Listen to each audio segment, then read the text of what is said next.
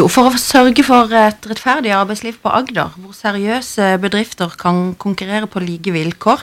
Ehm, så For det er anslått at titalls milliarder norske kroner unndras i Norge hvert år.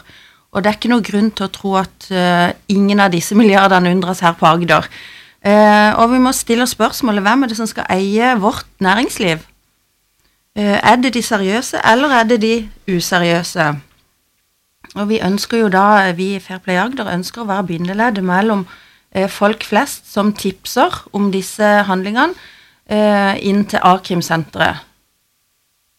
Geir Salvesen, du er leder av Håndverkerforeninga i Kristiansand og driver sjøl eget eh, firma. Kan du eh, fortelle litt om hvem som står bak? Ja, Det var jo eh, Håndverkerforeningen som tok initiativ til dette for noen år siden. Og så fikk vi med oss eh, LO og Fellesforbund og NHO. Og så hadde vi en workshop med kommunen. Og, eh, og, da ble dette så veldig positivt eh, tatt imot at vi satte, en, satte ned en arbeidsgruppe, da, en styringsgruppe, da, som, eh, som, vi nå har etablert med mange parter i næringslivet for å få dette til. Men hvor viktig er det arbeidet som dere nå skal i gang med? Vi mener det er nesten avgjørende i forhold til om uh, vi skal beholde den norske velferdsstaten. Uh, her uh, går der penger ut av felleskassa som, som ingen får glede av. Og igjen, vi er bekymra for en del fagområder. At de er rett og slett på vei til å dø ut.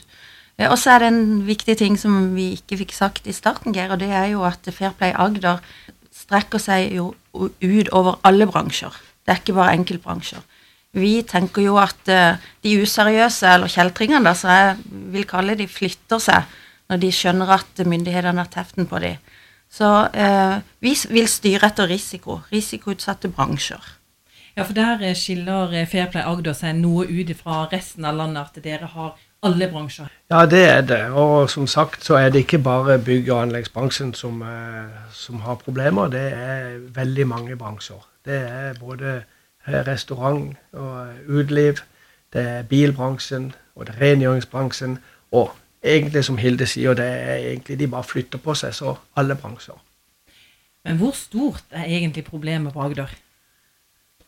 Ja, som jeg nevnte i starten, så er det jo anslått at uh, her uh, går der en plass mellom 5 og 10 milliarder uh, ut av felleskassa i skatteunndragelser. Så dra et parallell eksempel, da.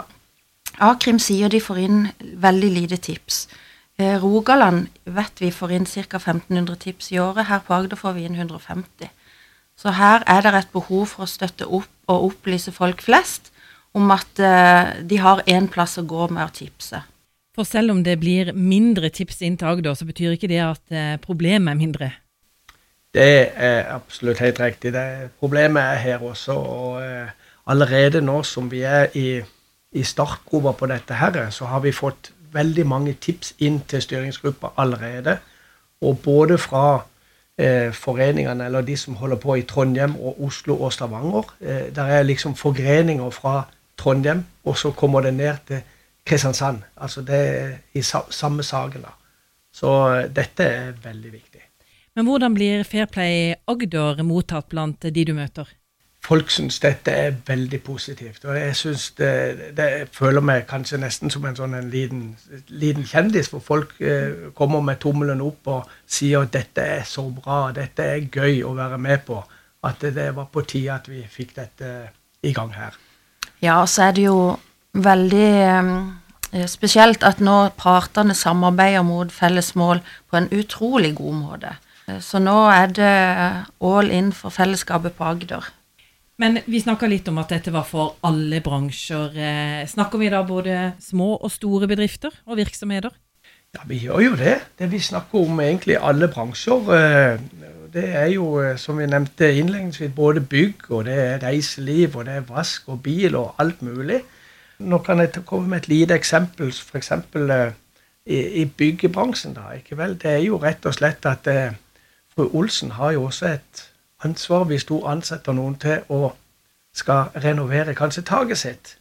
Og det er kanskje ikke, kanskje ikke hun vet det, men at hvis det kommer noen da og ikke har stilling eller har eh, alle, alle lovene på plass, eh, så, så kan hun faktisk bli stilt eh, til ansvar.